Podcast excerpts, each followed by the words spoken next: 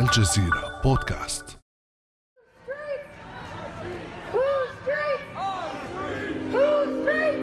من الطبيعي في أي مجتمع أن يقود المفكرون والفنانون والسياسيون والإعلاميون الرأي العام خدمة لقضايا مجتمعاتهم لكنهم بحاجة إلى وقود يشحن محركات الإبداع هو حرية التعبير حرية التعبير شرط أساسي من شروط أي نهضة فكرية علمية أو حضارية. لكن من أين تبدأ وأين تنتهي حرية التعبير؟ وهل هي مطلقة أم مقيدة؟ وهل يتم استغلالها أحيانا لخوض حروب أيديولوجية وسياسية توجه مدافعها أكثر تجاه الإسلام؟ وهل ما يحدث بفرنسا يندرج في سياق حرية التعبير أم هو ازدراء للأديان وللمسلمين؟ وما العمل لمواجهة حملات الإساءة والاستفزاز تحت ذريعة حرية التعبير؟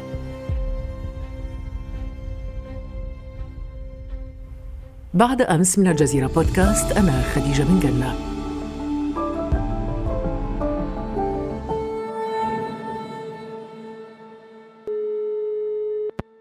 نرحب بضيفنا في هذه الحلقة من الرباط الدكتور مصطفى المرابط الأكاديمي المغربي ورئيس مركز مغارب للدراسات في الاجتماع الإنساني. صباح الخير دكتور مصطفى المرابط نرحب بك في هذه الحلقة. صباح النور أستاذة خديجة وأهلا وسهلا وشكرا على الاستضافة. شكرا لك على قبول الدعوة. دكتور مصطفى المرابط بداية عندما نتحدث عن حرية التعبير هل نقصد معنى واحدا متفقا عليه بين المجتمعات؟ حرية التعبير عموما وحق كل إنسان أن يفكر كما يشاء ويستطيع أن يعبر عن رأيه بكل الوسائل التي يقدر أنها ناجعة في كل الميادين المرتبطة طبعا بحياته ومعيشته. فنلاحظ أن هناك الحق في التفكير والقدرة على التعبير على فكرته. التعبير طبعا هنا يمكن أن يكون بشتى الوسائل من الكلمة إلى الفيلم مرورا بالرسم والرمز والمسرحية إلى غير ذلك. أظن أنه على مستوى التعبير العام والترسيم القانوني فهو واحد ليس هناك اختلاف على هذا المستوى. لكن على مستوى التأويل هناك اختلافات عديدة وكبيرة بين دولة وأخرى. هذا بالضبط دكتور ما نلاحظه في هذا الاختلاف الذي ذكرته في تأويل معنى حرية التعبير. دكتور واضح أنه مفهوم حرية التعبير يأخذ دلالات مختلفة بل متناقضة أحيانا داخل نفس المجتمع أو المجتمع الغربي نفسه. ألمانيا مثلا تتبنى مفهوم آخر لحرية التعبير يختلف كما يبدو عن فرنسا أو على الأقل هذا ما يفهم من كلام المستشارة الألمانية أنجيلا ميركل. Und wenn sie prononciert ist, der muss damit leben, dass es Widerspruch gibt. Es gibt keine Meinungsfreiheit. حرية التعبير المطلقة لا تأتي بدون تكلفة. حرية التعبير لها حدود. هذه الحدود تبدأ مع انتشار الكراهية. تبدأ عندما تنتهك كرامة الآخرين.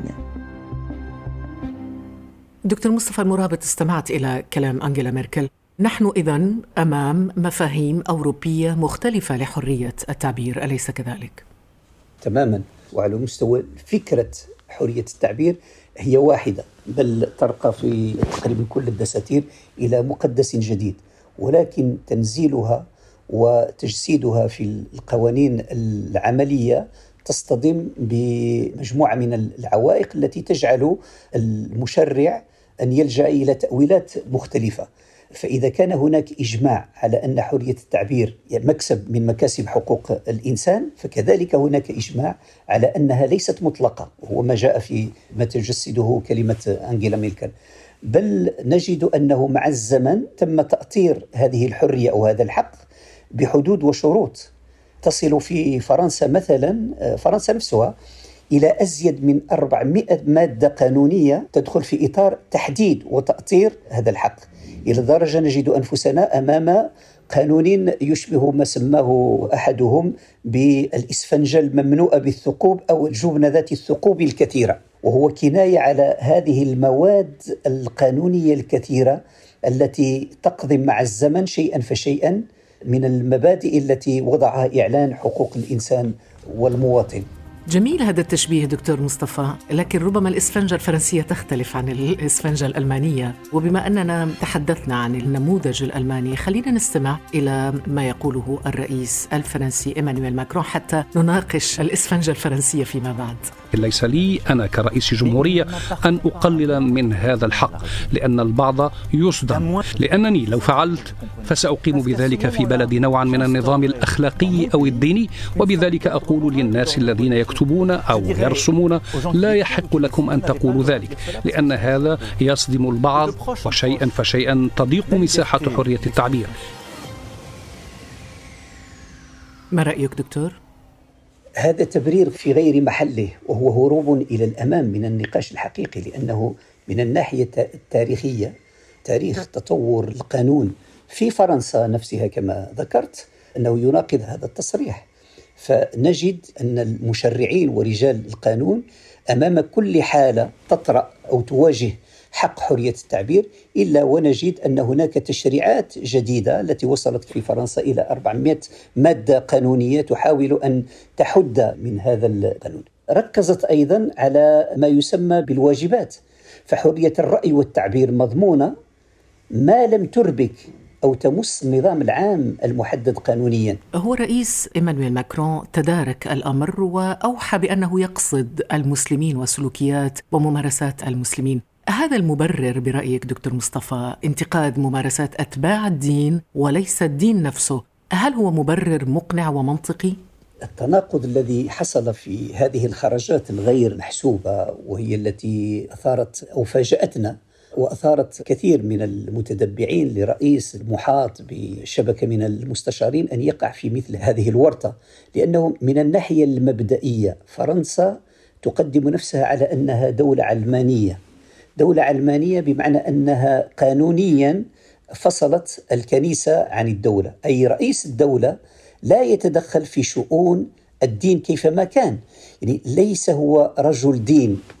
أو لاهوتي حتى يدلي برأيه كرئيس للجمهورية أتحدث هنا أن يدلي بدلوه في قضايا لاهوتية أو قضايا دينية لو تحدث عن المجتمعات وفي هذا السياق فقط أفتح نعم. قوس دكتور أنه هناك منظمات إسلامية في أوروبا وجهت رسالة مفتوحة للرئيس الفرنسي إيمانويل ماكرون تقول فيها لقد ناقضت بكلماتك وأفعالك مبادئ العلمانية أين هي أوجه التناقض برأيك دكتور؟ أوجه التناقض هو أنه كرئيس لجمهورية تنص قانونيا أنه لا دخل للدولة في شؤون الدين ولا دخل للدين في شؤون الدولة فإذا به يفاجئنا بإعطاء رأيه حول دين معين كدين وليس كممارسات. يعني لو قال بأنه أزمة المجتمعات المسلمة يمكن أن نحملها على الجانب السياسي أو الجانب الاستراتيجي أو الجانب الأمني أو الاقتصادي وغيرها. ولكن عندما يتحدث على دين لا يحق له كرئيس جمهورية أن يدلي بدلوه في مسائل دينية. اذا يجوز انتقاد المسلمين كأشخاص أو كأتباع ديانة؟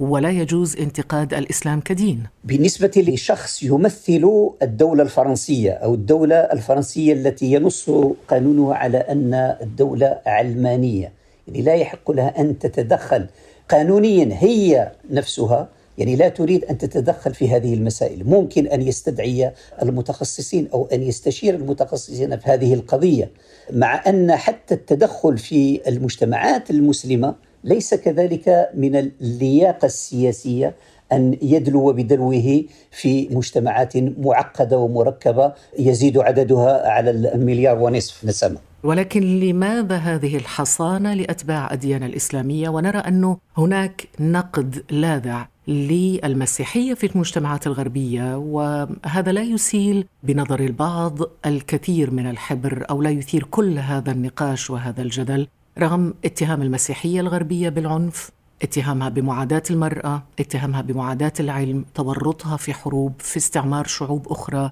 ابتزاز ثروات هذه الشعوب رغم ذلك لا يقال إنها إهانة واستفزاز لمشاعر أكثر من ملياري مسيحي مثلا كما يقول البعض أنت كيف تفهم هذه المفارقة؟ هو هذه المسألة تحمل وجاهة في الاستدلال لكنها ليست مطلقة وتتحرك على أرضية ملغومة. صحيح أن حرية التعبير تدفع بالتفكير والنقاش والنقد إلى أقصاه ويشمل كل التعبيرات الإنسانية سواء كانت تأويلات للدين أو تمثلات للدين أو فلسفات.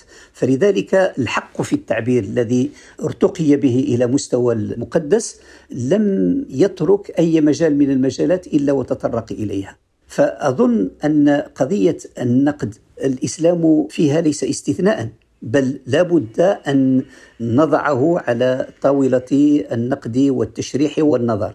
لكن الفرق أو الخيط الذي يفصل بين النقد وبين الإساءة أو بين الازدراء هو شعرة رقيقة جدا لابد من الاحتياط في اختيار الكلمات واختيار المفردات واختيار المفاهيم الأمر الذي لم يوفق فيه الرئيس الفرنسي. ولكن ألا ترى دكتور انه هناك مبالغة أيضا من جانب المسلمين في يعني مبالغة وإفراط ربما في رفض انتقاد الدين حتى لو من باب رفع القدسية مثلا عن بعض مكونات الموروث الفقهي الإسلامي.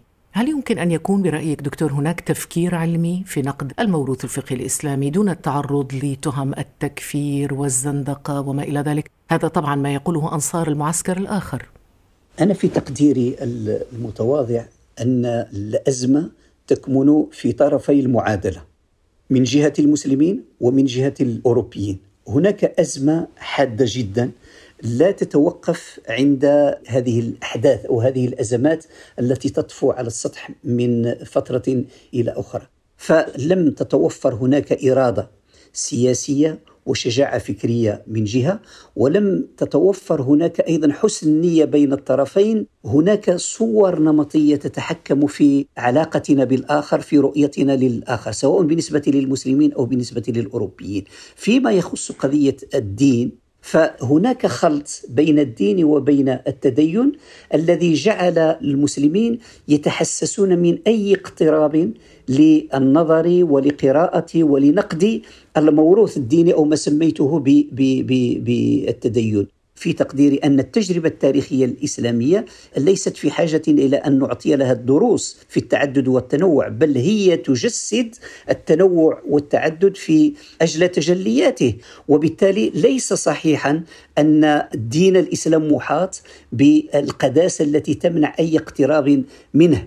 أنا أقدر وهذا طبعا ألزم به نفسي وأتحمل مسؤوليته بأن أوروبا تقدم فرصة بالنسبة للمسلمين نتيجة ما عاشته من تاريخ في علاقتها بالدين خاصة المسيحية أنه يمثل فرصة لأن نعيد تحريك آلة الاجتهاد من جديد وإعادة نظرنا في علاقتنا بهذا الموروث. بل أذهب أكثر من ذلك أن اليوم أوروبا تمثل أرضية لإعادة بناء نموذج لتفكير إسلامي جديد يأخذ بعين الاعتبار ما هو ثابت وهو قليل بالنسبة للدين الإسلامي ولكن أيضا ما هو قابل للقراءة وللتأويل ويخضع لهذه الصيرورة. لذلك أعتقد بأن المشكلة التي تجسدها هذه التصريحات أو إعادة الرسوم الكاتيورية هي ليست سببا بل هي نتيجة تكشف عن هذه الصور النمطية الموجودة في القاع الجمعي والتي تهدد من أي جهود للتقارب. إذا دكتور مصطفى المرابط أنت تتفق على ما يبدو مع ما قاله رئيس أساقفة مدينة تولوز الفرنسية روبير لوغال الذي رفض استعمال حرية التعبير كمبرر لازدراء الأديان في فرنسا بل إنه ذهب حتى إلى القول بأنه هذه الرسوم يعني ليست موجهة ضد المسلمين فقط ولكن أيضا ضد المسيحيين والدين المسيحي. لنستمع إلى ما قاله. هذه الرسوم الكاريكاتورية خطيرة لأنها تصب الزيت على النار ويجب أن نكف عن ذلك لأن هذه الرسوم هي ضد المسلمين وهي أيضا ضد الدين المسيحي.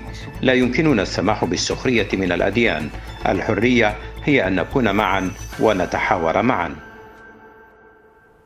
دكتور مصطفى أراك متفقا مع موقف رئيس أساقفة تولوز من هذا الموضوع؟ تماما هو موقف مبدئي يعني في الحقيقة أن هذه الأزمات التي تندلع من حين إلى آخر لا تجعل عموم المسلمين ينظرون إلى العدد الهائل من عقلاء وحكماء هذه المجتمعات التي تقف في صف الحق. فنحن نركز على أقليات التي تحاول أن تضرب على الوتر الحساس لأسباب نعرفها سياسية وانتخابية لأنه الغريب في هذا الأمر كيف اليمين المتطرف وصعود الشعبويات في كل أوروبا بل حتى في أمريكا أنها فرضت أجندتها وأفكارها على النقاش العام بحيث أصبح اليمين المتطرف أو الأطروحات اليمينية لا تحتاج إلى حزب يميني بل أطروحاتها أصبحت اليوم يدافع عنه بل يتم المزايدة عليها من كل الأحزاب السياسية في فرنسا بالخصوص. نعم ولكن يدافع عنها دكتور تحت راية العلمانية. علمانية فرنسا هل تبدو في مأزق؟ كيف لفرنسا برأيك أن توفق بين علمانيتها واحترام الأديان؟ قضية العلمانية هي من المفردات التي تسمى باللغة الفرنسية موفاليز أي الحقيبة التي يمكن أن نضع فيها كل شيء تحتمل الشيء ونقيضه تعدد التأويلات. أنا أعتقد بأن حرية التعبير والعلمانية هي كلها مبادئ يجب أن نتفهم كيف تم الوصول إليها تاريخيا. بتضحيات وبجهود كبيرة جدا من طرف الفرنسيين والأوروبيين. ولكن أعتقد بانها حق يراد بها باطل اليوم في إزاء ما يتعرض له المسلمون. هذه كلها نتائج يراد بها تبرير هذه المواقف وهذه الإجراءات. ولا بد أن نتفهم أيضا علاقة الأوروبيين بالدين وحساسيتهم في كل ما يتعلق بالمقدس. دكتور مصطفى المرابط هل يدخل الترويج للإسلاموفوبيا الذي يزداد يوما بعد يوم ضمن حرية التعبير بالمفهوم الفرنسي والمفهوم العام؟ هو مع الأسف إلى حد الآن ما زالت تعتبر قضية الإسلاموفوبيا من حرية التعبير، خاصة في فرنسا وهذا ما يؤسف له صراحة. طيب ماذا لو لم تتدخل السلطة المعنية لفرض هذه المسؤولية كما في الحالة الفرنسية؟ ما هي السيناريوهات المحتملة؟ هل نشهد حالة من الفوضى، حالة من العنف؟ وقد حدثت حالات من هذا القبيل بفرنسا ودول أخرى. لا شك أن الوضع الذي خلفته هذه الأحداث ملتهب ومتوتر كما تشهد على ذلك أحداث ووقائع وإن كانت متفرقة. فالسلطة طبعا كما جاء في سؤالك الأستاذة خديجة هي المسؤولة بدرجة الأولى على ضمان الأمن والحيلولة دون تفاقم الأوضاع وتدهورها. فكما أن القانون يخول للسلطة ضمان حرية التعبير للجميع فيكلفها أيضا بتوفير حماية الناس. ففي الدول الديمقراطية يلعب الخطاب السياسي والخطاب الإعلامي دورا بالغ الأهمية في تأطير الرأي العام وبالتالي يمتلكان السلطه النافذه في توجيه الأحداث إما نحو التصعيد أو نحو التهدئة. لكن ما نلاحظه مع الأسف أن هذين الخطابين وقعا رهينة التوجهات اليمينية المتطرفة والشعبوية فما لم يحصل هناك تحول للجم هذين الخطابين وإلزامهما بتحمل المسؤولية فيمكن للأوضاع أن تتطور لا قدر الله إلى حرب أهلية كما يتحدث كثير من المراقبين. هل ما بعد الرسوم ليس كما قبله؟ ما الذي سيحدث؟ فعلا سؤال مثير. لا شك أن رغم الإحساس المسلمين بالإساءة إليهم بإعادة نشر هذه الصور وهو ما يؤشر على الانتقال من التدافع الحضاري إلى التدافع القيمي. الأمر الذي يجعل الإسلام في تقدير المتواضع حاضرا في هذه الجدالات التي تبحث على رسم معالم المستقبل. وهو ما نعتبره مدخلا لميلاد تصور جديد للإسلام. دكتور مصطفى المرابط اليهود وصلوا إلى ضبط منظومة قانونية تعاقب على معاداة السامية. لماذا لا يفعل المسلمون نفس الشيء؟ لماذا لا يوجد مصطلح مثل معاداة السامية عند المسلمين معاداة المسلمين في مقابل معاداة السامية؟ الحقوق لا تمنح إنما تنتزع كما يقال وبالتالي فإن الاشتغال على المستوى الأول أي استصدار تشريعات قانونية يتطلب بناء موازين قوة تجعل المسلمين أو تجعل للمسلمين وزنا معتبرا على كل المستويات. أعتقد أنه بدون موازين القوة هذه لم يكن بإمكان اليهود الذين نضرب بهم المثل في هذا الإطار أن يفرضوا أنفسهم كقوة وازنة وفاعلة مكنتهم من استصدار تشريعات تحميهم بلغت حد منع إنكار الهولوكوست كما نعلم والتشكيك فيه.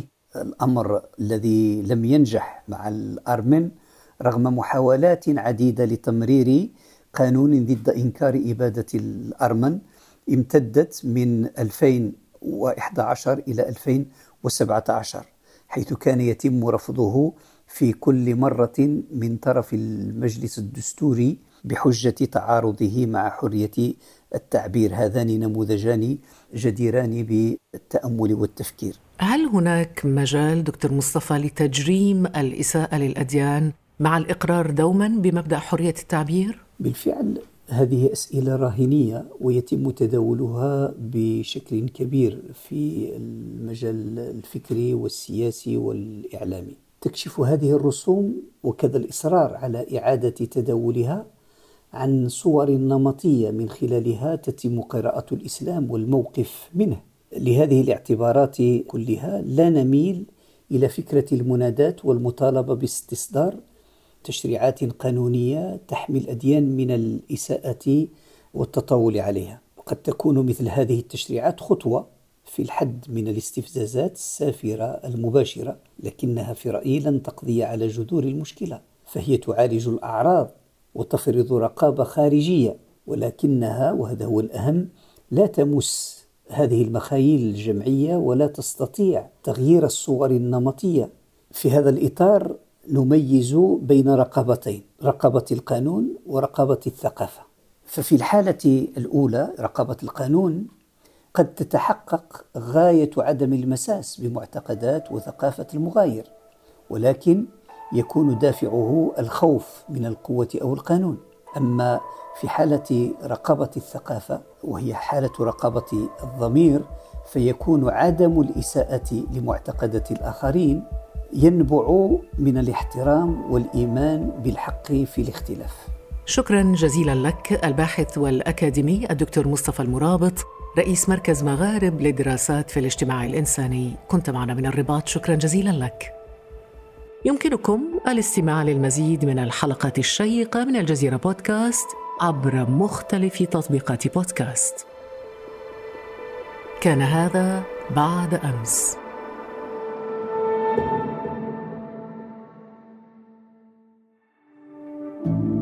خطوة بسيطة وسهلة ليصلك البودكاست في الصباح الباكر كل يوم. ابحث فقط عن بعد أمس في تطبيقك الصوتي وفعل زر الاشتراك لتصلك الحلقات يومياً.